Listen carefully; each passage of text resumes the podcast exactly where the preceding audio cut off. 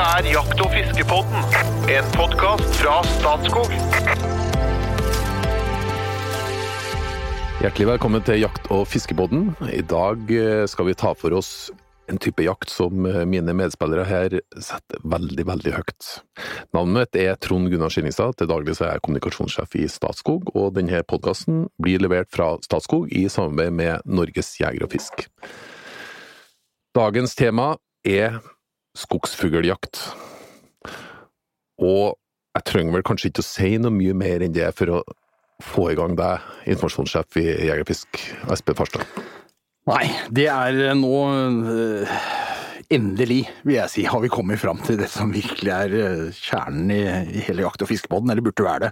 Altså Skogsfugljakt er, er det ypperste, ypperste, ypperste, spør du meg. Altså. Det er det som på en måte driver, det er det jeg tenker på når jeg legger meg om kvelden, og det er det jeg våkner med på netthinna når vi begynner å nærme oss uh, tida for skogsfugljakt.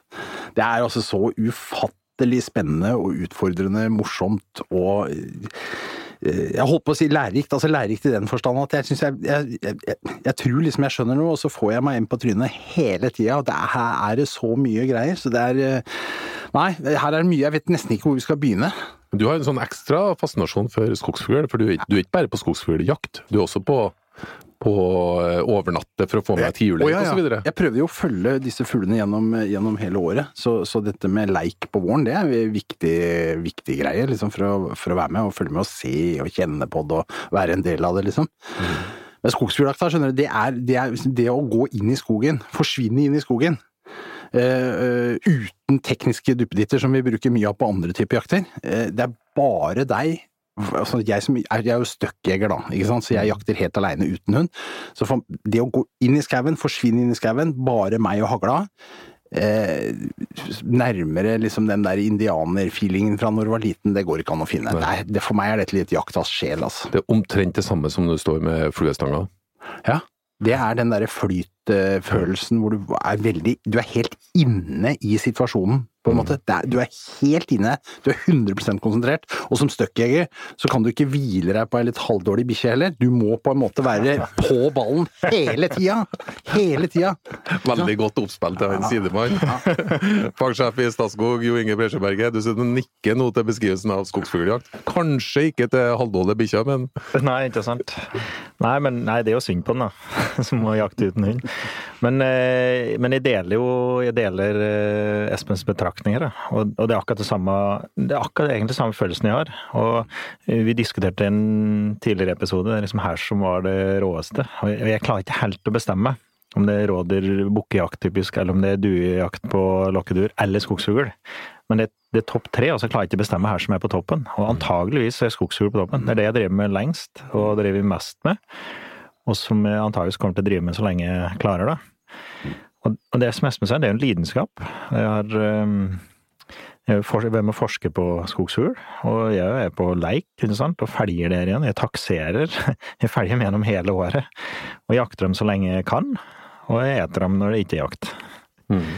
Uh, pluss at jeg har hund da, og driver på med hundejakt òg. Så, så skogsfugl er en ganske stor del av livet mitt. Og nå er jeg vokst opp i skogen, da, og da er jeg slik der jeg klarer, jeg klarer liksom ikke å la være.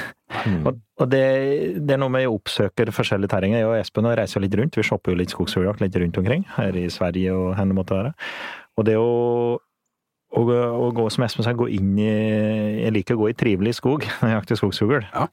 Det, er det, er faktisk nesten det viktigste. Det er nesten ja. det viktigste. Ja. da kommer den der gode feelingen, og, og jeg klarer å jakte aleine. Du må ikke ha med den, det er veldig sosialt, men stort sett så jakter jeg alene. Mm -hmm. Og jeg trives godt med det, og da du kommer da Jeg har med bikkja, da. Jeg, da. Nå. Men da å gå inn i en trivelig type når jeg er oppe i Nord-Sverige, gå i fjellskog f.eks., litt lik eventyrskog, og så gå der med bikkja, det, da er det litt det nærmeste nirvana jeg kommer til. Mm -hmm. det, jeg, jeg, da bare koser jeg meg. Det er min ferie. Selv om jeg sliter inn jeg holder på å stuper til kvelds, liksom, så er det, det er min ferie. Mm. Kan, før vi begynner, kan vi, kan, kan vi ta en liksom, begrepsforklaring? Hva, ja, hva ja. er skogsfugl? Det er ja, for dette, dette, dette, er egentlig, og det er litt interessant òg. Altså, la oss begynne på toppen. Altså, altså storfugl, det er, det, ikke sant, tiur og røy. Mm. Her er det jo forskjellige navn på han og hun, ikke sant. Og så er det orrfugl. Og, og det er jo århane og år- og- høne og høne. hane og høne. høne, ja. Og blåhana, og det er mange ord på dette her, da. Ja, ja. Og så er det jerpe, Mhm.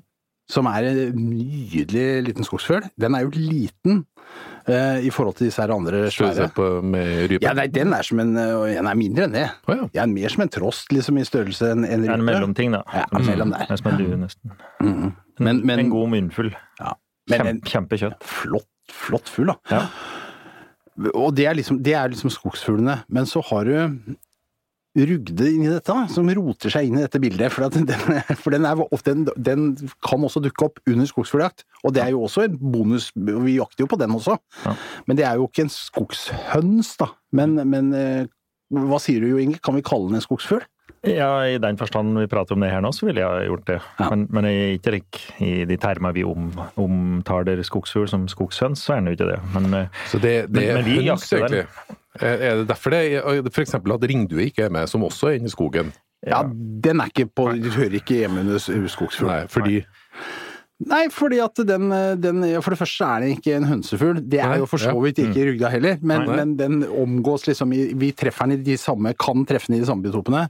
Skogsdua jakter vi jo Ikke skogsdue, men ringdue jakter vi jo liksom på jordene og er liksom helt annet. Men vi treffer den jo i skogen i ny og ne òg. ja, det, det skjer at det skutter eh, duer i, i skogen her, på skogsøk. Det har skjedd, faktisk. Ja da. Men eh, det er jo skogshøns, ja, som er knyttet til skogen og skoglandskapet. Og når du kommer langt nok nord, så, så kaller de jo òg rypa og skogrype. Og når jeg jakter skogshull langt nok nord i Sverige, så vil du få lirype ned på høgstflater og ned i skogen. Så der òg vil noen kunne si at det har vært en skogsfugl, men, men det er ikke den tradisjonelle skogsfugl, i den forstand. Og så Det er artene, ikke Ja, sant? ja. Men så kommer det også en annen veldig viktig ting, og det er liksom jakte, Snakker vi om ungfugl? Ikke sant? Eller snakker vi om gammalfugl?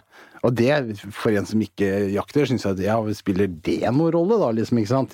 Men, men her er det enorm forskjell. Ja, Det det er er helt riktig. kjempestor forskjell på å, kjøpe, på å, å, å skyte seg en ungfugl og det å skyte en gammalfugl. Altså Men da er det typisk tiur vi prater om, da. Eller fjørane, som jeg kaller den. Det er jo mange begreper her, da. Men i, på Finnskogen og i Trysil så kaller vi en tiur for en fjørane. Ja, altså en gammel tiur. Ja. Ja, la, oss, la oss få avklart dette med en gang, for her er det mye rot ute blant jegerne. For at, når, når du teller, når du er skutt i eller noen, hvis, hvis du skulle måtte skryte det, da, Ja. du skutt i, så er det så og så mange tiurer. Men hvis du skjøt en tiur og skulle vise den, så det var det bare en unghane eller en gammel tiur. Ja. Altså det, du, det øker til stemmeleiet litt hvis det er en gammel tiur. ja, ja, og er du gæren? Det er den, er den er jo verdt mangegangeren. Ja. Men, og, og, men, men når blir en tiur gammel tiur? Nå, nå er jeg spent på svaret her, for nå spør jeg jo ingen. Når, når mener du at når er en, når er en tiur går fra å være ungfugl til å være For det fins jo bare to typer, ikke sant? Ja. Det er ungfugl og gammelfugl. Ja. Så en må jo overleve den vinter i hvert fall. da. Så Ikke sant? Ja. Det er der nøkkelen ligger. Ja. Altså minst en toåring, da. Men eh, eller altså, overlevd ett et år, da. Ikke sant? Mens, eh, men, men du kjenner jo forskjell på dem, og så blir de tyngre og større, og, og det og det er som det er skikkelig gammel tiur. Da er den Ja. ikke- den ikke bare ett, eller altså, overlevd ett år, da er den jo enda eldre. To-tre år, kanskje. Ja, Men da må du legge til et, et adjektiv for å beskrive, for da må du si det er en skikkelig gammel tiur. Ja, Men- for det er en gammel tiur Ja, er. allerede. Ja, Ja, ja. Det er to, år to. Hvor, hvor gammel kan den bli? Nei, De lever jo ikke veldig lenge, da. Hvis, de, eh, hvis du sier en tredjedel cirka det blir borte hvert år, så er det type tre-fire år, kanskje. Ok. Ja. Det er veldig høy omsetning på de her Så en hønsefuglene. ordentlig gammel tiur, den er Men fire år. Det, det kan nok skje. Jeg tror det er merkefugl som har vært i fem eller seks år, Mm. som jeg vet òg. Men, eh, men det normale er nok type tre-fire år. Altså Hvis du skuter en tiur på fire år, så er det en skikkelig gammel tiur. Hvorfor er gammeltiur så attraktivt, da? Jo, eh, jo, det, det, jo det Gammel røy, vel? Det er liksom ikke det mest Nei, det, heter ikke det. Det heter voksen røy. Ja, det er helt riktig. Her er det mange ting. Nei, hvorfor er en gammel tiår så attraktiv? Jo, det skal jeg fortelle deg. Fordi at det, For det første så er det skogens største fugl. Den er eh, i utgangspunktet litt sånn sur, gammel grinebiter. Eh, Den, den lever stort sett aleine når den blir så gammel, utenom leiken, da. Da er den jo inne og, og tøffer seg og ordner Da er den jo opp. sjef, det, da er den jo sjef, ikke sant. Altså, det, det er, og han er jo sjef gjennom hele året på en måte inni skauen. Han er utrolig flink og slu til å sette seg på riktig plass. Alltid ha en fluktretning, følge med på hva som skjer i skauen. Altså, det å overliste en gammel tiur er, dette er for viderekommende, altså. Okay. Det er rett og slett det er- ikke enkelt. At det er så vanskelig Ja. for Ja, og det er helt riktig. Og, det, og det, det er jo det som er kanskje er litt av fascinasjonen. Vi Mm. pratet med en gang tidligere med bukker og gamle råbukkere, men disse her har levd, levd et langt liv til de må være. Ja, og kan alle triksa Og i er, boka. og det er sjelden. Altså, vi, vi, la oss gjøre et lite regnestykke nå, Inge. Vi skyter ca. 10 000 storfugl i året, ikke sant? Ja. Så sier vi at bare for enkelhets skyld, så sier vi at halvparten av dem er tiur. Ja, det er snøtt nok, det òg. Ja, litt under det. ja. Men, og hvor mange av dem er da gammeltiur i forhold til ungtiur? For man skyter jo flere ungtiur, rett og slett fordi det er lettere å jakte en kylling som nettopp har vokst opp. Ja. Ja, Så si at du skutter 4000 tiurer, da. Så Ja. kanskje 1000 av dem er gamle. Vi snakker om 1000 gammeltiur i Norge all over. Mm. Ikke sant? Så dette er ikke noe alle jegere er forunt å oppleve i det hele tatt. Og det er ikke mange som kan skryte av å ha skutt mange gammeltiurer, på en måte. Så dette, og, og jeg sier skryte fordi at det er en, en, en prestasjon å klare å overliste en gammeltiur på hjemmebane. Du kan være heldig, alle kan være heldige, men, Ja, ja. men, men det når du er i jeger og liksom holdt på med det her i mange år, så veit du hvor vanskelig dette er. Du kan telle på én hånd liksom, hvor mange du, du egentlig har tatt av den der gamle typen. Så det å skyte en gammeltiur er, f- sånn som jeg ser det, mye, mye vanskeligere enn å skyte en stor elgokse, liksom. Eller for den saks skyld. Det er jo vanskeligere å skyte en gammeltiur enn å skyte en, en svær hjort i eh, vanskelig vestlandsli, altså. Det er jeg helt sikker på. Men det, den må jo endre karakter ganske mye, da. For på, jeg har jo sett bilder der den driver og jager folk på, på vårparten. Ja. Mens den blir jo da ekstremt sky og slu eh, på høsten. Ja, men, men den derre jage folk på vårparten, det er jo en sånn hormonell forstyrrelse. Ja, ja, ja. Ja. De er jo ikke sånn. Nei, Nei, nei. De, de er jo ikke Men sånn. de er jo litt forstyrret, da. Og det, og det, det er jo forsket litt på det òg. Og de, i de tilfellene der leiken har blitt høgd, altså leiken tar en eller annen feiltagelse eller noe over til høgd, så, så er det en høyere andel til de eh, vi kaller dem spillgærne, da. Altså tiurer som, som eh, angriper motorsager eller eh, felker, turgåere, her det måtte være. Det er en litt høyere andel her. Jeg vet ikke helt, men det er en hormonforstyrrelse. ja. Når, når er jakta? Altså, dette starter 10. september eh, og varer fram til jul. Og det er også veldig interessant, den der jaktperioden. fordi at eh, 10. september står vi jo klare, selvfølgelig. Grytidlig om morgenen er vi ute i skauen Mm. og er veldig spent på hvordan ser det egentlig ut i år. fordi at produksjonen av skogsfugl den, den går jo veldig sånn i fluktasjoner. Det veksler jo veldig fra år til år. Og vi er jo veldig nysgjerrige på hvordan det blir i år. Jeg har jo allerede spurt Jo Inge hvordan det blir i år, liksom, og han sier nei, jeg veit ikke. og det er liksom, ja, så, Sånn holder vi på, ikke sant. Men, og så får du liksom litt svaret da når du beveger deg ut 10. september. Litt av det. Ikke alt, fordi at eh, det kan Det er veldig store lokale variasjoner. Ja, og, og hvis det er en varm september, så er ikke det det samme som det du kommer til å oppleve i oktober osv. Fuglen sitter et annet sted, eller et eller annet. Men, men det starter 10. september, og da, da er det ute i skauen og, og se hva som skjer. Men den jakta som skjer da, den, noe av det morsomste, syns jeg, da, tidlig i jakta, det er jo å gå rundt i skauen og prøve å danne meg et bilde av hvordan har årets produksjon vært. Hvor mange kull finner jeg? Dette er viktig, nemlig. Kull, altså unge fugl, som holder sammen, og som ennå ikke er spredt av predatorer eller jakt eller et eller annet sånt. Og det å finne kull, og hvis du kanskje første dagen går opp eh, to-tre skogsfugl, storfuglkull, ja da, er vi, da snakker vi om et godt år. Da begynner vi å nærme oss, ikke sant? Ja, det er helt riktig. Så dette er veldig, akkurat akkurat den der, der er veldig spennende.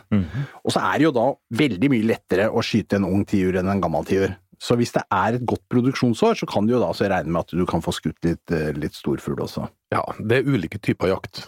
Hvis vi starter med den, på en måte, den, eh, ja, skal si, den enkle, enkleste og kanskje vanligste formen, så er det det du mest bedriver, Espen. Støkkjakt alene eller eh, Straks arrestere deg med en gang og si Det var at, at forsøk, dette er jeg den prøver jo. At dette er den enkleste! Dette, her er, dette er den vanskeligste Altså, jeg bruker jo ikke støttehjul som heter point, eller hva det er for noe. Jeg går jo ut aleine. Ja, Du er så hårsår, vet du.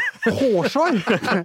altså, det, ja, nei, men altså, det Det er kan ikke sammenlignes med ryper, for eksempel. Eller eh, an, andre Ja, men poenget, det minst remer, ekstra Det er remed. låg- Det, det, det- var- det låg det var terskel, da. jeg prøvde å si, altså. At, at det er enkelt å komme til. det man bare kan gjøre uten for mye forberedelser, egentlig. Ja, Ja, ja, det er riktig.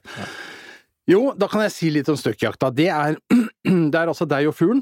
Ingenting annet. Det betyr at du Og du får ikke noe varsel når en tiur flyr opp. Den bare plutselig Altså, du, du Men, men eh, røkk litt tilbake. Du, du bestemmer deg for å gå en plass. Ja. Hvordan, eh, forbereder jeg tenker gjennom det? Hvor starter jeg nå? Ja, tidlig på sesongen, 10. september, skal jeg ut og se. Da vil jeg jo Altså, jeg går jo i det samme jaktterrenget år etter år, fordi jeg har et terreng som jeg leier. Det er en veldig fordel. For det å være kjent i terrenget, det, det mangedobler sjansen din, særlig som støkkjeger, da. For at du veit erfaringsmessig at det kan sitte litt fugl her og litt der og der. Mm. det er noen partier i det terrenget som alltid har fugl. Ja. Vi klarer ikke helt å finne den terrengfaktoren, det er også forsket en del på. Okay. Men vi er helt sikre på at det er en terrengfaktor. Ja. No, Espen kjenner sitt terreng, jeg kjenner mitt terreng. Og da blir det til at du oppsøker Du har noen indrefileter som du oppsøker, og det vil det alltid være fugl. Og det er helt nekt å være en eller annen terrengfaktor der. Ja. Men, og, og vi, vi kjenner jo til noen av dem, men vi har selvfølgelig ikke, man klarer jo aldri å knekke denne koden helt, og det er ikke sikkert at det er logikk i alt heller. Nei. Men bær er en, er en nøkkelfaktor. Ja. Fuglen spiser bær. Så veldig opptatt av tidlig å finne ut hvordan ser årets bærsesong ut i mitt terreng. Er det i de sørvendte liene, eller er det i de nordvendte liene hvor jeg finner bæra? For da kommer jeg til å finne fuglen der, høyst sannsynlig. Eh, og så har jeg noen sånne områder eh, på mitt jaktterreng som er, er noen sånne litt lange lier med eh, furuskog, men så går det noen sånne bekkedrag innimellom hvor det er noen grantetter. Det er, det er sånne fugleområder. Ikke sant? Der sitter de. For de vil jo søke ly samtidig som de skal kunne beite, så de der kantene liksom på, på, på grantetter, furuskog, ikke sant? Typisk. Og, de er mer produktive òg. Der er det type De finner både urter og bær. Ja. i der. Ja. En, en tær furuhole, eksempel, den vil være dårligere enn i granskog på, tidlig på jakta. Ja, særlig tidlig på jakta. ikke sant? Og så er det en annen, et annet element som spiller inn, og det er eh, litt høyde i terrenget. Fordi hvis du finner fugl på en høyde, så vil det veldig ofte lønne seg å ikke da gå videre oppover, men å fortsette i den høyden, på en måte rundt åsen eller hvor det går. For det fuglen da typisk sitter i den høyden. Yep. Så, så når jeg og Espen reiser eksempel til Sverige, så leiter vi etter å knekke koden. da. Ikke sant? Finner høydelaget. Er de høyt, lågt? Hender er det bær? eh, Er det bløtt eller eh, tørt? Ja. Liksom, i, liksom i fjor, da, som på Østlandet hadde en eh, ekstrem tørke, eller det var spesielt tørt. Når vi da begynte å taksere skogsfugl i august, så var det i prinsippet å finne bekkedrag og myrkanter. Og det, så lenge du hadde det innenfor takstlinja, så det var jo der fugla var. Hadde det vært jakta, så hadde du knekt koden veldig kjapt. Da hadde du kunne vært, Ja. kunne vært litt mer effektiv, da, for det, det fugla var der. Og typisk at eh, tidlig i jakta så vil jo våte områder alltid være aktuelle, fordi at kulla med, med eh, nyfødte, holdt jeg på å si, ikke nyfødte, men med, med ungfuglen, som jo vokser enormt fort, bare nevner det. Det klekker liksom i begynnelsen av juni, og når vi kommer til september, så, så er det svære svarte tiurer allerede. Og særlig tiurene vokser ja. noe enormt. Ja, formidabelt. Og det betyr at de må spise mye. eh, Og de spiser mye bær, og de spiser mye insekter, særlig da tidlig i kyllingperioden. Sånn at hjemmeområdet deres, på en måte, det er liksom nedi myrkantene, nedi bekkedraga, nedi der hvor du egentlig ikke har så veldig lyst til å vime rundt, for det er tungt å gå der. ikke sant? Det er viekratt og det er mye dritt, men der sitter det fugl, altså. Så du må, du må gidde. Du må liksom bare bite sammen tenna og gå ned i det. Holde på, altså. Men du, men du starter tidlig? Jeg starter tidlig om Er det, morgenen. på, er det bare for å komme tidlig i gang, Nei, nei, nei, eller har det noe Det er mye Det er alltid best å jakte tidlig om morgenen og seint på dagen. Midt på dagen så hviler på en måte naturen, Mm. og, og fuglen blir som et trylleslag borte, altså. Ja, hvor gjør man seg, liksom? Midt på dagen? kan være ganske varmt det er midt på dagen. da. 10. september kan du være oppe i 20 grader midt på dagen. Og vi som jakter med hund, du, de, du må ikke begynne så tidlig. altså Du kan gi dem litt tid til å ned i løgnen og prompe rundt og, og ete og sette dem i luft. Men, men jeg liker å jakte tidlig om morgenen. Det er Litt kjøligere, og det er litt mer, litt mer fuktighet i bakken. Får litt mer eh, vitring. Og så er det da typisk har jeg god pause midt på dagen. Da koker vi boll og, og hviler. og så er det ut på kvelden til helt til skumringa, da. Altså, Hvordan fart det? Nei, det, det sies jo liksom at man kan ikke gå sakte nok når man går på skogsfugljakt. Særlig støkkjegere. da? Du skal, du skal gå sakte, og du skal gå uforutsigbart. Du Gjerne gå litt bort, og så skal du sikke og sakke litt gjennom skogen. ikke sant? For fuglen skal ikke liksom høre deg og tenke at 'å ja, han har retning sånn, så han kommer til å gå rett forbi meg'. Nei, du skal liksom gjøre fuglen usikker. Stoppe litt, vente litt. Ja, uforutsigbart, ja. Vente litt, stå stille, Og jeg vet ikke hvor mange ganger jeg har, har sittet og tatt en pause, eller stått og tatt en pause, og så går jeg, og så letter jeg fugl rett ved siden av. Og den har sittet og fulgt med hele tida. Ja, ja. Seriøst, du kunne hatt bål både en halvtime og en time, så reiser du opp, og så drar det en fugl. Så Ja. du er nesten 70 opp på den. For de trykker, ikke sant? De det? er De Det, det er det vi Ja. utnytter, da. -hmm. Det var liksom en forsvarsmekanisme at de trykker, og så venter og ser om faren går over. De vil helst ikke på venga. Eh, Skogsfuglen er jo bak i all hovedsak bakkelevende fugler, og enormt god til å springe på bakken. Ja. Mhm. Jeg har jo sprunget etter dem med, med radiopeiler, altså, så jeg vet, jeg fort de springer. Ja, ja, ja. Og det ligger dere eh, ja, i mytinga, da, for eksempel, når de helst ikke vil lete. En tiur er jo tung, det krever mye energi å lete. Og i mytinga, midt på sommeren, så oppsøker tiura Mytinga, kanskje forklare hva det er? Ja, altså de skifter, eh, skifter i prinsippet fjørdrakta. De starter på venga, skifter. Og eh, får den nye, friske fjør, og da er den jo litt handikappet. Mhm. Og da vil den jo helst ikke lette, for da tar det mye tid, og så få den opp. Eh, og da oppsøker tiura, midt på sommeren, voksne tiura, oppsøker det vil si at de reiser fra seters. Det å forske på, da finner de de mest urterike, mest produktive deler innenfor sitt hjemmeområde. Så reiser de dit og bærer gnafser og eter urter og får mett i proteiner, bygger fjør. Og får å lette, klare å lette, da, ikke sant. Og, og komme i gang. Men, men det er jo den, den eh, den trøkkefunksjonen, altså det at de trøkker færre fiender for å unngå fare, det er jo den vi utnytter, og det er den eh, vi utnytter med hund. da. At eh, de trøkker for hund. Og skogsfuglen trøkker dårligere enn ryper, eksempel. Mhm. Og en gammel tiur trøkker er jo dårlig, Ja, dårligere, dårligere enn en ungtiur eller et køll. Den springer stort sett bare unna. Da skal en hund som er veldig tøff i trynet, som, som presser den, den ligger så tett på hjul at uh, tiuren til slutt finner ut at det er bedre å trykke og så avvente faren enn å springe, for han klarer ikke å springe ifra hund. Mange uerfarne hunder klarer ikke det. Da er det enten at de går på for hardt og støkker den, så den bare drar, og det hjelper ikke deg noen ting som jeger, da har den jo bare gjort vondt verre. Eller at de er så forsiktige at de stopper, og står, så kommer du, og så må du begynne å avansere og begynne å gå etter, og så går du og går og går og går og går og går. Kanskje over berget eller opp en bakke, så at han får mulighet til å slippe seg ut, og så står du der og ser dumt, for den der tiuren bare slipper seg nedover lia. på skrå. Og litt det samme med, med støkjakt. Du kan ha gått og, og hatt den før deg lenge. Til slutt så blir det såpass uforutsigbart at han finner ut når han skal trykke, og så bare letter han. Og da, det er det slik det er, det er jo langt på vei hjerteattakk hver gang. Han, eh, Ja, ja, nei. det, det er jo tiere liksom opp mot fem kilo, ikke sant? Fire, fire og en halv kilo, som skal lette fra bakken. Ja. Og det er helt stille i skogen, og du går det litt i- ikke i egne tanker, men du er, du er nærmest i nirvana, ikke sant? Og så, og så plutselig så drar det droget på venga der, og, det bråker og og- kvister. Ja, ja. ja, ja, og det går ei teskje vått, altså. Det er helt Det er ikke bra. Nei, nei, nei.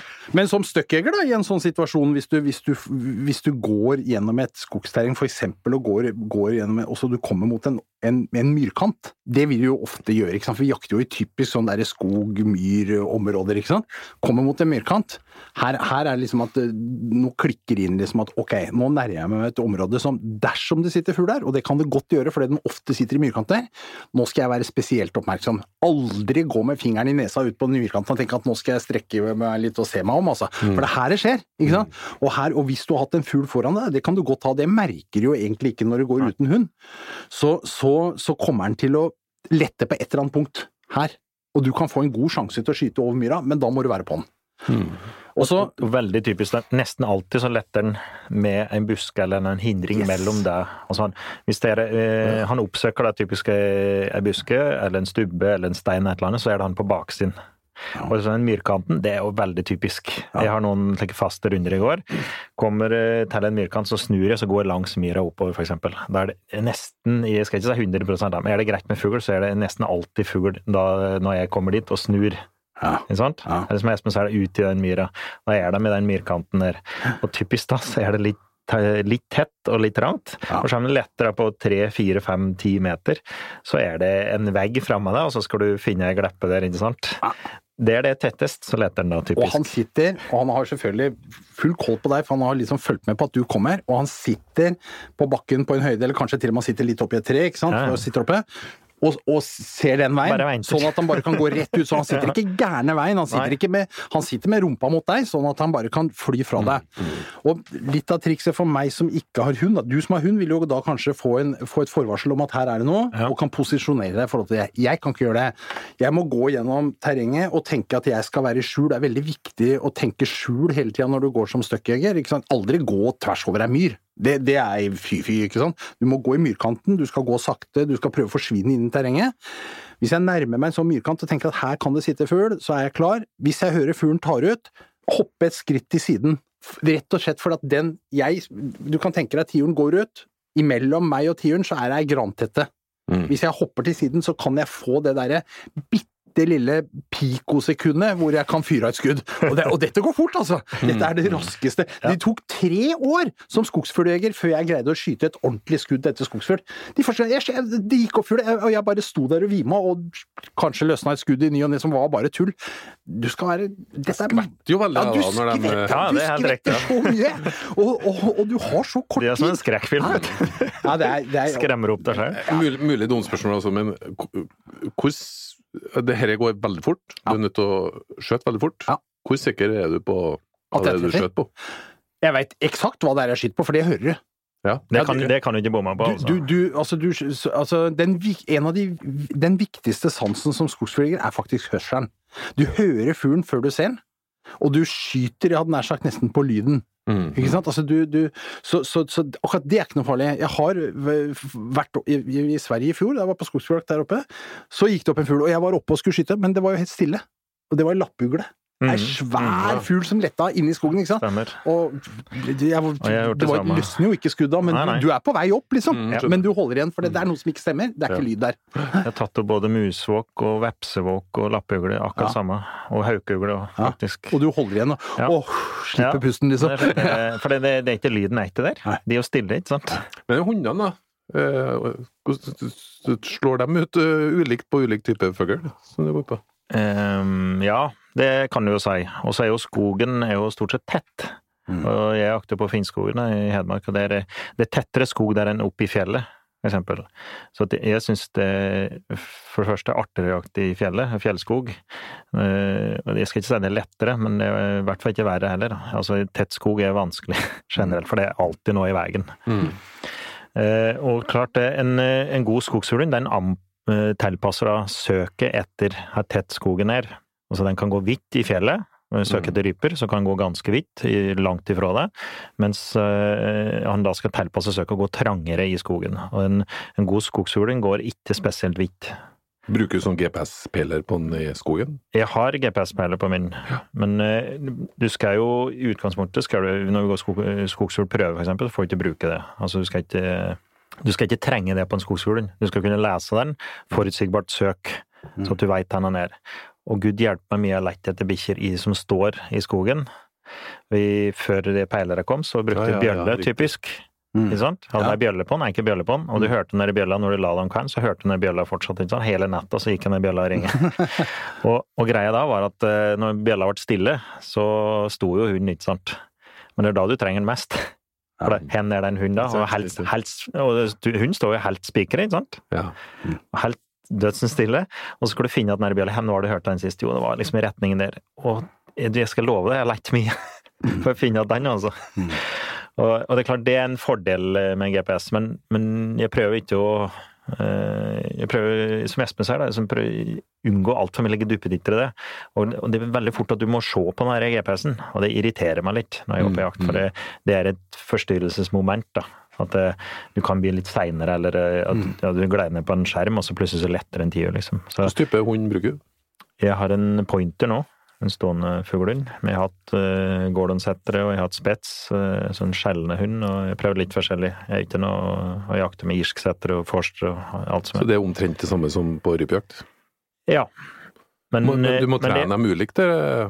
Nei, det er trening, og det er egentlig den samme. Det, det Ok. er bare at søket ikke skal være så vidt. da. Du, det er stor forskjell på om du har en hund som slår ut eh, type, Jeg vil ikke ha en skogshund som slår ut noe mer enn 150 meter. Type mellom 50 og, og 150 en stand. Eh, og det vanlige på rypefjellet er at du kan ha hunder som slår 500 meter kanskje i de lengste dragene. Og det, for meg er det helt ubrukelig. Tett skog på Finnskogen, 500 meter. Nei, Det høres ikke langt ut, Nei, men jeg kan love deg, når du skal begynne å leite en hund som har en radius på 500 meter, det blir du lei. Ja. Ja. Og så er det så tett med fugl der òg, så da går jo forbi, går forbi mye fugl. Ja, det er det, vet du. Hvor effektivt er det med hund, da, Jo Inge? Um, hva skal jeg si til det, da? Hvor stor fordel får du av å Ja, det er en fordel. Det er en grunn til at jeg slutter å støkkjakte. Eh, For jeg har gjort det veldig mye, og jeg kjenner at i alt det Espen sier, og det- jeg merker når jeg fikk meg hund, eh, var at sjansen ble bedre, for du er litt mer forberedt, som Espen sier, i den der myrkanten. Så ser jeg på hund at her er det luft, og her er det vitring, og her kan det være en fugl. Da er jeg enda mer klar enn at han vet at det kanskje sitter fugl der. Pluss at det, da er fuglen den er da opphengt i, i all hovedsak av hund. For det er hund som kommer først til, til fuglen, så han trykker for hund. Og når jeg kommer dit, da begynner det å bli vanskelig. De er jo, de er jo flinke til å gjemme seg, men de har jo tross alt bare gjerne litt større enn ei ert, ikke sant. Så, så, så da vi liksom får to ting å føle seg til, da blir det vanskelig for dem. Skal de trykke eller dra, ikke sant. Og da, da jeg kan pos- posisjonere meg litt og få en bedre sjanse enn det Espen har, som går rett, kommer rett på den, da. Eh, Så at du får bedre sjanser, det må jeg si. Altså, du er mer forberedt, får litt bedre sjanser. Og så er det et aspekt i at eh, hvis du skulle Det er ikke så sjelden at ving- vingeskuter gjør fugler heller. Altså, får du ikke inn en optimal treff av vingeskuteren, da, eller eventuelt måtte en skadeskuten, da da har vi hunden til å finne den, da. Da er, da er hunden til uvurderlig hjelp. riktig. Mm. Mm. Det er, og det er jeg helt enig i. Altså, Det er kanskje den viktigste der- fordelen. Der jeg, hvis jeg savner hund, så er det der. Ja. I de situasjonene hvor jeg ikke finner fuglen eh, med en gang, og da er, er jo en hund uvurderlig. Altså. For det, du vil ikke tro hvordan en, en skadda skogsfugl kan gjemme seg bort. Altså. Det er eh, et høl på størrelse med en kaffekopp, altså, så er den borte. Den, Ja. den, den, det er helt utrolig. Ja, og jeg har funnet at fuglen med hund da, på de utroligste steder, altså kyllinger som har gjemt seg under rotvelter og i hæl i bakken, og du vil nesten ikke tro det, henne har funnet at uh, fugler, og det klarer, hadde de antageligvis ikke klart uten hund. Det gjør at vi oppfører oss veldig annerledes når skuddet går. Når skuddet går, så blir du stående, du. Ja, Ikke sant? stort sett. Og så skal bikkja på en måte hente fuglen. Ja, jeg er på'n, da, men jeg blir stort sett da sjekke her bikkja er, og hen fuglen dro, ikke sant? Mens Espen da må er på'n. Jeg, Du begynner å sprenge, du. jeg skal, ja, nemlig. Det som skjer da når jeg har skutt, er at jeg brekker hagla. Eh, og jeg bruker patronbelte. Og det, som stuckjeger så må du ha det, for du må ha patroner uh, så lett tilgjengelig som det er mulig, liksom. Fordi jeg brekker hagla og river ut de gamle og dytter inn to nye patroner mens jeg løper som en gærning der hvor jeg tror at fuglen er. For det at du har ingen garanti når du, når du slipper et skudd på skogsfugl, at den fuglen går rett i bakken. Du kan se det noen ganger at den bare klapper sammen og går rett ned, og da føler du deg trygg på at nå ligger den. Men, men eh, du skal aldri sjanse på dette, så du løper mot fuglen. For det hvis en fugl er vingeskutt, så detter den på bakken, og så løper den på beina. Yep. Og det går fort. Eh, og, og du må på en måte du må få overtaket på situasjonen så fort som mulig. Så, Det er kanskje de vanskeligste situasjonene som stuckjeger òg, når du vingerskuter en fugl, og så han begynner å springe unna. Ikke ønskelig. Og så hvis man da er eh, Hvis jeg kommer fram og fuglen ikke er der, eh, og jeg ikke skjønner hvor den er blitt av, så er det, har i hvert fall erfaringen lært meg at da, da Slipp ned skuldrene, slapp av litt. Eh, merk det stedet hvor du står. Typisk da med den tomhylsa setter jeg på en kvist, liksom. Sånn her, her mener jeg at liksom fuglen skulle være. Og så går jeg tilbake til der hvor jeg mener at jeg sto og skøyt. For å liksom danne meg et bilde fra to vinkler. Mhm. Og så, og så begynner jeg å søke eh, ut fra det, legger igjen sekken der, sånn at jeg har det der. For at det er utrolig når du står i skauen, du tenker at jeg står ved sida av rotveltet, men så går du åtte runder, og så er det ti rotvelter. Så du, du er nødt til å merke, rett og slett, i skauen. Og så Det, begynner du det er en fordel med GPS, da, ikke Ja, for du du bruker det, men, jo- men da er det en fordel med GPS. Mm. For Ja. eksempel, så du vet hvor du har gått, og retningen, og se at du holder sant? retningen. Ja, det, det, det, det hjelper nok. Og så er det da å gå dit hvor jeg, hvor jeg vet at jeg på en måte har truffet fuglen, og så er det å begynne å lete etter sportegn av, av om jeg har truffet fuglen eller ikke. Altså fjær, da, i, i Typisk fjær, realiteten. Ja. Mm. Eh, og så hvis jeg finner en fjær, så er det liksom å finne retningen og lete, og finner jeg en fjær til, ja, så da er jeg på sporet. Og så sirkler jeg utover, rett og slett, i lenge, altså. Er det, på, snø, så vil du jo kunne se bloddråper, altså Ja. sent på høsten eller på Mm. vinteren. Men, men det er fjør, typisk. Og så er det, hvis du skal ut på en, en eh, fjørane som reiser ifra deg, og du skal ut på den der, så vil den stort sett reise ganske rett ifra deg. ja. Så du nesten kan ta kompasskurs på den. Hmm. Skjer det ofte at dere ikke finner dem? Ja, det hender. Det hender. Jeg må bare innrømme det at det hender, og det er, eh, det er da vi gjerne skulle hatt en bikkja, da, vet du. Mm. Mm. Men med hund så Jeg skal ikke si det ikke- skjer, men eh, det er i hvert fall sjelden at jeg ikke finner dem. Skuter. Men, men jeg tror det er mange som skuter og som tror de ikke har truffet. Så har de faktisk Det skjer det òg, at du treffer fuglen uten noen synlig tegn, og så har du faktisk avskutt den. Det skjer jo. Men, eh, men hvis jeg treff, treffer den, så er det type vingskuteren eller at den er eh, ordentlig skadd, så vil jeg påstå at jeg i stor grad finner den med hund. Men, men skogsfugl, ikke sant? Du får, når, som, skogs, som støkkjeger i skogen, så får du ikke mange skuddsjanser i løpet av en dag. Det, er, det er sjelden. Eh, og denne fuglen er så verdifull. Og det er det samme egentlig om det er en gammel tiur eller en jerpe. Altså, skogsfugl er skogsfugl. Mm. Så du, du går ikke fra dette før du er, har gjort alt det du kan for å finne Mm. denne fuglen. Mm. Virkelig, altså. Det er bare for å ta det kjapt òg. Det er jo det er jo forsket litt på det her òg. På Varaldskogen, da, som jeg har jobber jobbet litt med skogsfugl. Og da fant Det var Leif Kastaren, tror jeg, som gjorde det. Da han fant ut at eh, en gjennomsnittsjeger jakter ti dager skogsfugl i året den gangen. Mhm. Og han måtte ha ca. 40 dager. Jeg vet ikke om det, jeg tror ikke det var tiur, jeg tror jeg faktisk var på fellefugl. Men jeg lurer på om det kanskje var tiura. Mm. 40, 40 dager. Altså fire år mellom hver gang. Han skjøt en Jeg tror det var tiur, faktisk, når jeg husker etter. Der er ikke du, Espen. Nei, men det, det der regnestykket der, det går ikke opp for meg av den enkle grunn at jeg jakter mer enn ti dager.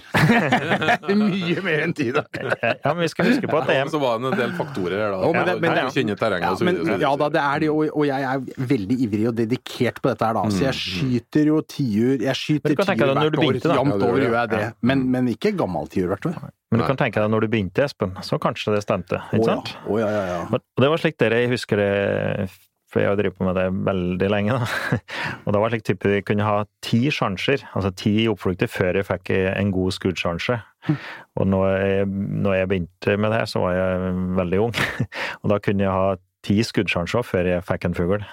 Ja. Altså det, du skulle mye fugl til før det ble noen bra sjanser, eller at det ble en, eh, ble en fugl i gryta, altså. Men apropos skudd, hva skjøt man med? Ja, altså, vi, vi snakker jo nå hagle, ikke sant? Ja. Og så er det jo da å, å fylle med det man har trua på, da. Det er litt Er det samme liksom på rypa som på en tiur? Nei, nei, nei, nei, Nei, du bruker nei. grovere hagl vet du, Ja. på, på større fugl. Og det betyr jo at når du går i, i terrenget, når jeg går i terrenget mitt, så veksler jeg litt på hva jeg har i løpet. Mm. Litt avhengig av hva slags terreng jeg går i, og at jeg tenker at her er det veldig orrfuglendt. Her kommer det til å, lette noe orrfugl, kanskje en orrhanna. da må jeg ha sånn ammunisjon. Men hvis jeg går i et terreng hvor jeg erfaringsmessig vet at her kan det sitte en ordentlig rusketiur, eh, så fin som logoen i Jakt- og fiskepodden, Ikke sant? så, så lader jeg tungt, altså. Mm. Ja. Ja. Det, det samme er jeg bruker Hvis jeg er usikker, så kan jeg typisk ha femmerhagl i første løpet, og så treer eller firer i andre løpet.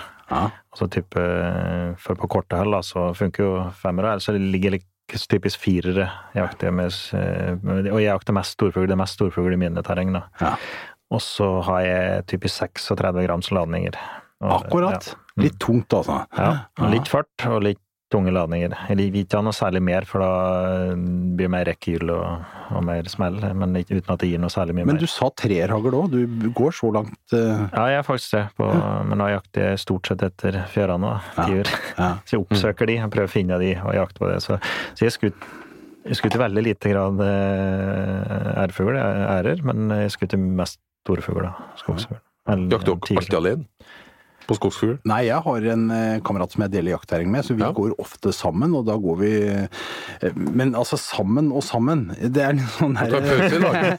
Ja, nei, vi jakter Vi, vi blir enige om at det finnes en, og nå går vi opp lia til eh, der, liksom. Mm. Og, så, og så går vi Og jeg har jo han da til venstre for meg, alltid til venstre for meg. Dette har med sikkerhet å gjøre og rutiner, ikke sant. Og jeg, og jeg veit hvor han er. Jeg ser han, og jeg ser han innimellom. Og vi holder liksom følge oppover i terrenget. Og så er det litt sånn avhengig av hvor åpent det er kommer på ei furumo, så sklir vi litt fra hverandre, liksom. Og kommer vi tette, så går vi litt på hverandre igjen og sånn. Dette her, og vi er samkjørte gjennom Men det, mange dette års drilles, ja. Mange års jakting, og veldig veldig viktig. Og, veldig, og, og du var inne på tempo, vi snakka liksom om at det er viktig å gå sakte og uforutsigbart sånn. Jeg tror nok jeg av legning kanskje går litt fort, eh, det, men han Finn han er sånn som meg, så vi har samme tempo, så vi har samme rytme i skogen, og dette er utrolig verdifullt. Også. Og ikke minst sikkerhetsmessig, da, så ikke den ene plutselig ligger før den andre. Og, liksom. så, men det, det, når du jakter sammen lenge, så er det, går det på autopilot. Da er vi drille på det. Og jeg jakter jo stort sett alene.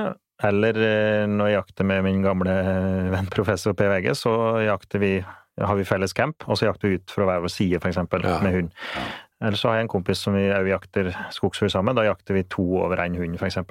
Da er litt mer sosialt, da. Men ellers så jakter jeg stort sett alene. Og jeg husker det, Grunnen til at jeg kjøpte meg hund, da, Espen, var jeg hadde en, en sjanse der jeg tok tre tiurer på ett sted. Mm. De satt der og beite. Jeg skjøt en gammel tiur, og så kommer det en ungtiur. Altså en gammel den gikk ned, og så kommer det en ungtiur, og så over gikk langs en vei, skulle inn i et terreng, og så lette de i en, i en bakkeside, da, på oversiden av veien. Så kommer den over veien, så skuter jeg på den, og jeg ser jo treffer den, og ned på bakken så hører du det der flapp, flapp, flapp. Ikke sant? En Ja. tiur som ligger på ryggen og bakser med vengene. Det er den gode lyden Okay. i skogen. Det er en god følelse. Den derre Ja. Ja. Og så blir det litt mindre flapping, og så blir det stille. Og da hadde ikke jeg hund, og så springer jeg dit, og så er faren min borte, vet du. Og jeg leiter og leiter etter resten av dagen etter denne turen, for jeg visste jeg hadde fått den, og antagelig så var den vingeskutt i, og jeg trodde den var dau, for det er jo godfølelsen. Den der lyden der har jeg hørt den såpass, vet du hva det der innebærer. Og den var ikke der. Og jeg leite og leite, og da gleden til at jeg hadde skutt en gammel tiur, den ble borte til at jeg ikke fant den andre. Og, og det ødela hele dagen for meg. Mm.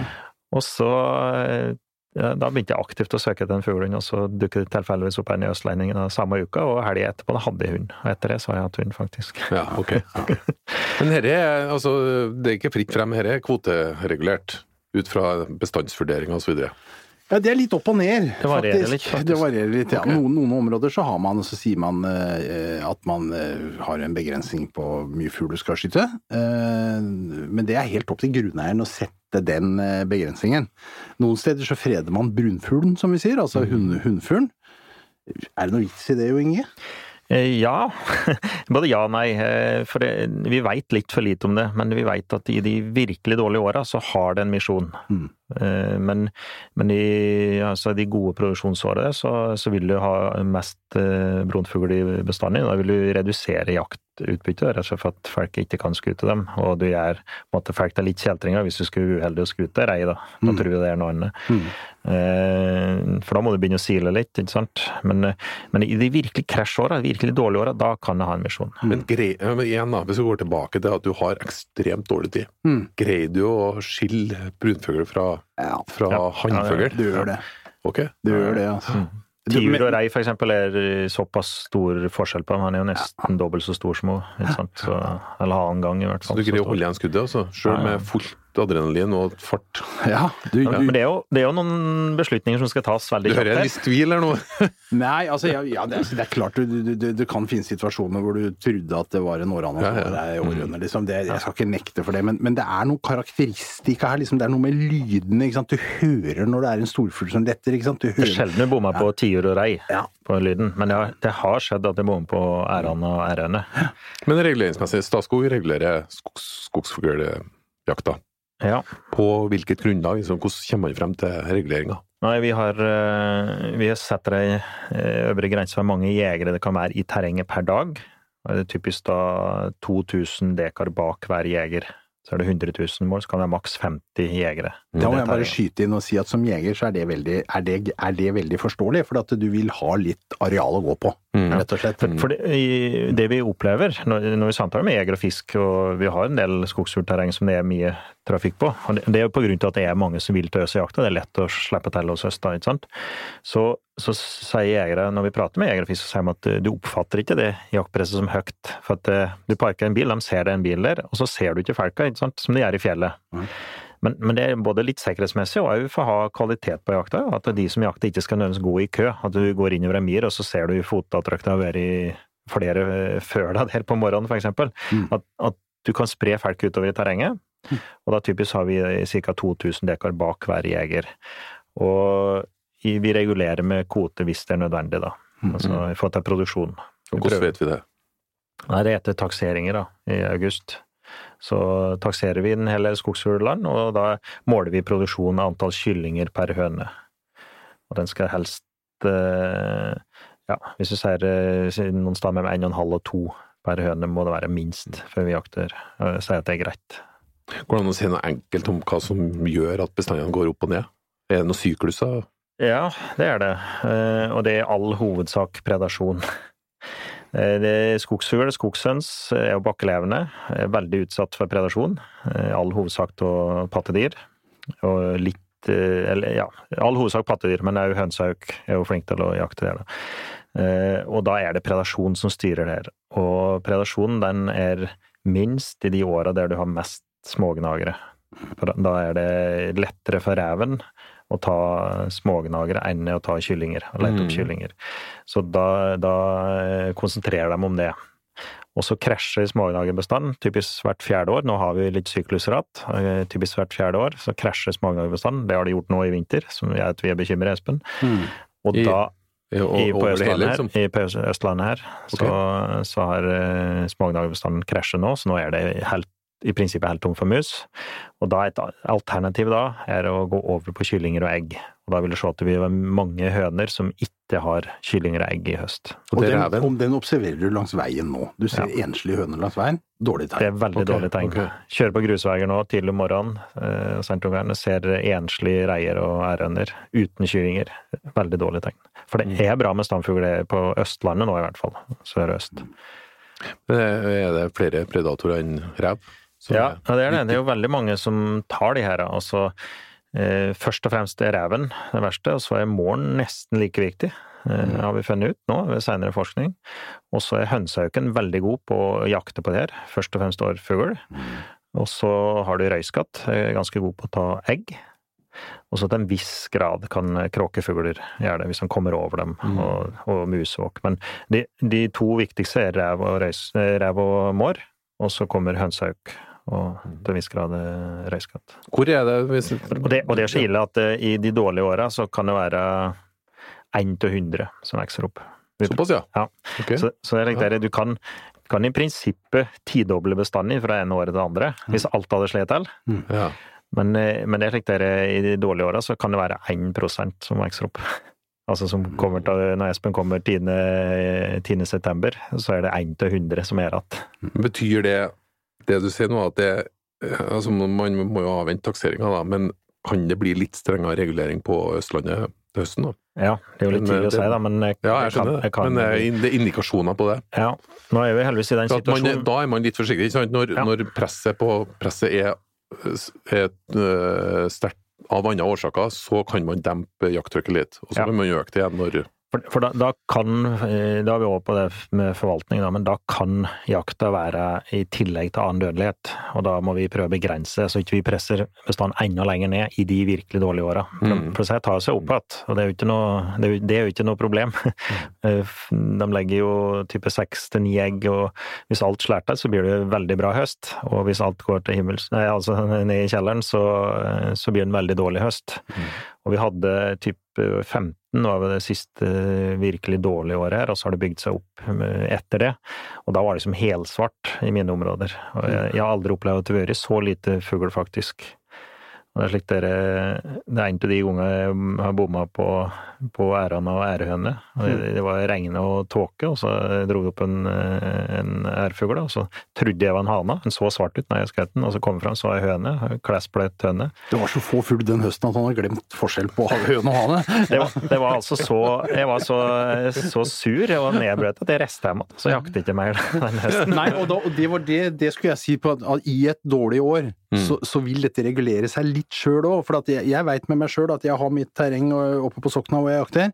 Hvis jeg kommer opp der og ikke går opp et eneste kull nå i høst, og bare letter en og annen gammelfugl Jeg kommer jo til å jakte litt, men, men, det er klart jeg kommer ikke til å være så ivrig på jakt der da. Da må vi ut og jakte duer, Jo Inge, eller Ja, finne på noe annet. Og Altså. og så unngå da å skute reier og ærøner i de åra. For det, det er Mm. veldig typisk at du kommer over enslig voksen ærøne, Ja. og så er det den som presenterer en skuddsjanse. Hvordan er geografiske forskjellene her nå, både på skogsfugl og på jaktform, jegere? Altså, er det noen kulturelle forskjeller? Er det ulik utbredelse?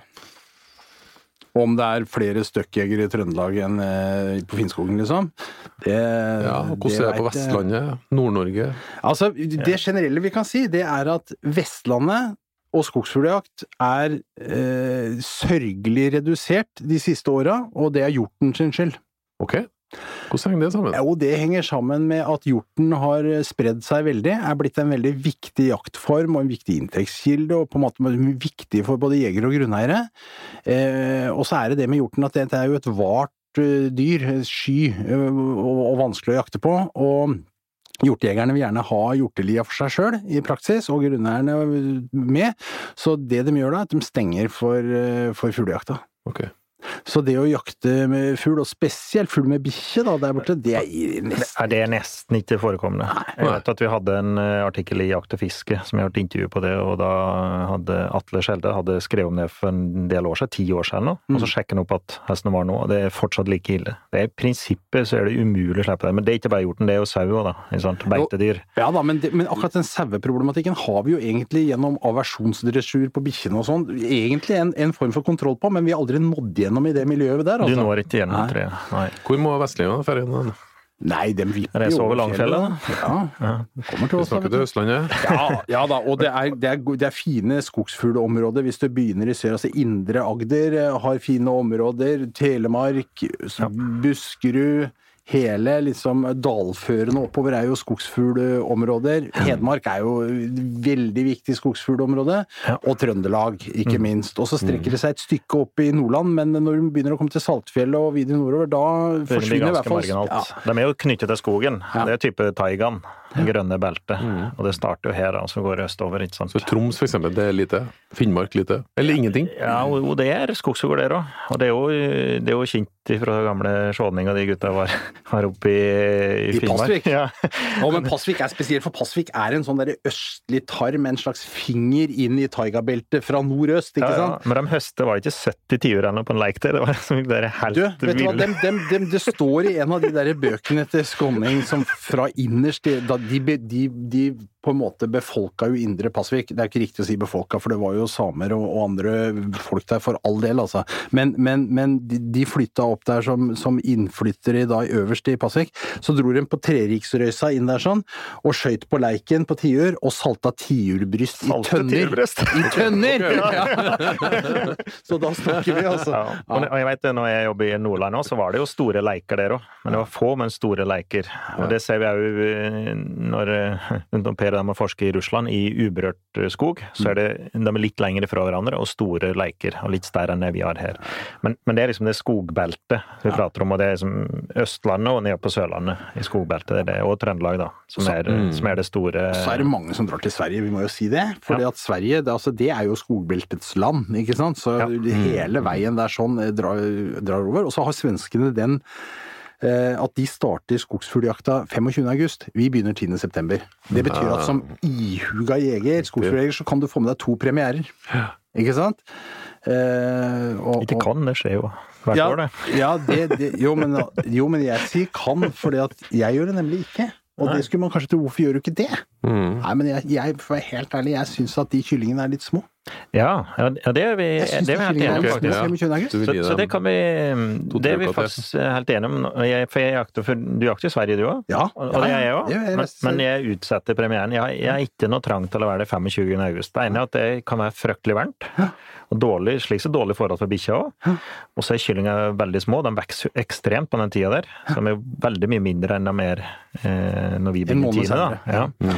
Så at eh, når jeg reiser til Sverige så men jeg, jeg har, ei- jeg har typisk ei helg eller ei uke i Sverige før jeg begynner hjemme, men da er det rett før jeg begynner hjemme. Da er det som i finishen. Eh, vi skal begynne å nærme oss eh, landing, men jeg, jeg lurer jo litt på hvordan Går det an å si noe om eh, om kjøttet, liksom. Hvordan det smaker, hvor mye kjøtt det er, hva, det, hva man bruker til. Jeg tror det, det er egentlig et eget program, også, så jeg egentlig ønsker bare en liten sånn forsmak. Altså, det er det edleste du kan ta ut av skogen. Det er, skogs, det er skogsfugl, ikke sant? Det er helt, helt klart etan. Ja, altså, det er så flott, ikke sant? Og det å kunne invitere venner på, på en ordentlig skogsfuglmiddag, det er, det er fasjonabelt, altså. Husk hva vi sa her, da. Det skytes altså 10 000 storfugl i Norge totalt, ikke sant? Det betyr at dette er jo vilt som ikke er tilgjengelig for folk flest. Du må kjenne en dedikert skogsfugljeger for å kunne bli invitert på skogsfuglmiddag. Så, så det er klart dette er stas. Jeg kjører typisk eh, enten i romjula eller på nyttårsaften. I stedet for å ha kalkun, så kjører jeg fjørane. En stor fjøre, en gammel fjørane. Og det blir aldri feil. Unger elsker det. Og det, er- ja, det er eksklusivt. Ja, det er det. Ja, for det, blir- det blir jo rett og slett litt mat av det. Nå, er- nå er jo, kommer jeg fra Trøndelag, det er de største tiurene, men også lenger ned her, da. Så det er det. Ja, Jeg det, det blir mat på en fjørane på Finnskogen. Altså. Jeg hadde med en, en, en kamerat av meg som tok jegerprøven og som hadde lyst til å bli skogsfuglejeger, og han hadde lyst til å være med på dette som vi har prata så mye om. Og så var han med til Skøgen. Han, han, var liksom, han hadde ikke dette helt inne i sjelen. Så går vi ut på ei myrkant, og så skyter han ei orrhøne som flyr rett fra han. Det er jo typisk at den første fuglen han skyter er en orrhøne, for den, den, den Vi kan komme tilbake til det, men han, han, den er lettest å skyte på, da. Så skyter han den, og så går han ut på myra, og så løfter han opp den der århøna. Og jeg er liksom Fader, Per Olav, du har skutt din første fugl, liksom. Og så sier han jeg tror han må bli litt større hvis han skal få hjertet til å banke, sier han. Han skjønte ingenting. Han fikk ikke være med mer. Nei. Han får ikke være med meg på jakt mer. Nei, nei. Han skjønner ikke hvor edelt og flott dette er. Nei. Ut venstre, ferdig med han. Ja, rett og slett, altså. Ja, nei, det, nei, det, Hvis noen har blitt inspirert nå til å være med, hva er, hva er den enkleste måten på å skaffe, skaffe seg en skogsfugljakt? Nei, Det er jo bare å gå på i natur og søke et område. Altså, det, ikke vanskelig å finne Nei, Søke på skogsfugljakt. Ja. natur.no, Ja. Ja. skogsfugljakt, Ja. og så kommer det opp. Ja. Ja. Og jakter du uten hund og på stekk, så oppsøk noen ulveområder. Det er jo lite trengsel. Ja, ja, ja. ja, det er faktisk et godt tips, altså. Ja. Når det først er så gærent at du ikke kan slippe fuglen din der inne, eller hvis du er redd for den, så, så åpner du jo faktisk opp litt for oss støkkjegere, da. Det var veldig interessant å høre. Dette var jo da jakt innenfor, som er på pallen til begge to, har jeg forstått. Ja, det er klart. blant topp tre. Eh, Høyt engasjement, veldig mye kunnskap, så det var spennende å høre. Håper at eh, lytterne har blitt inspirert og ønsker å prøve det sjøl. Det var alt vi hadde i denne runden av Jakt- og fiskepodden. Hjertelig velkommen tilbake til nye episoder.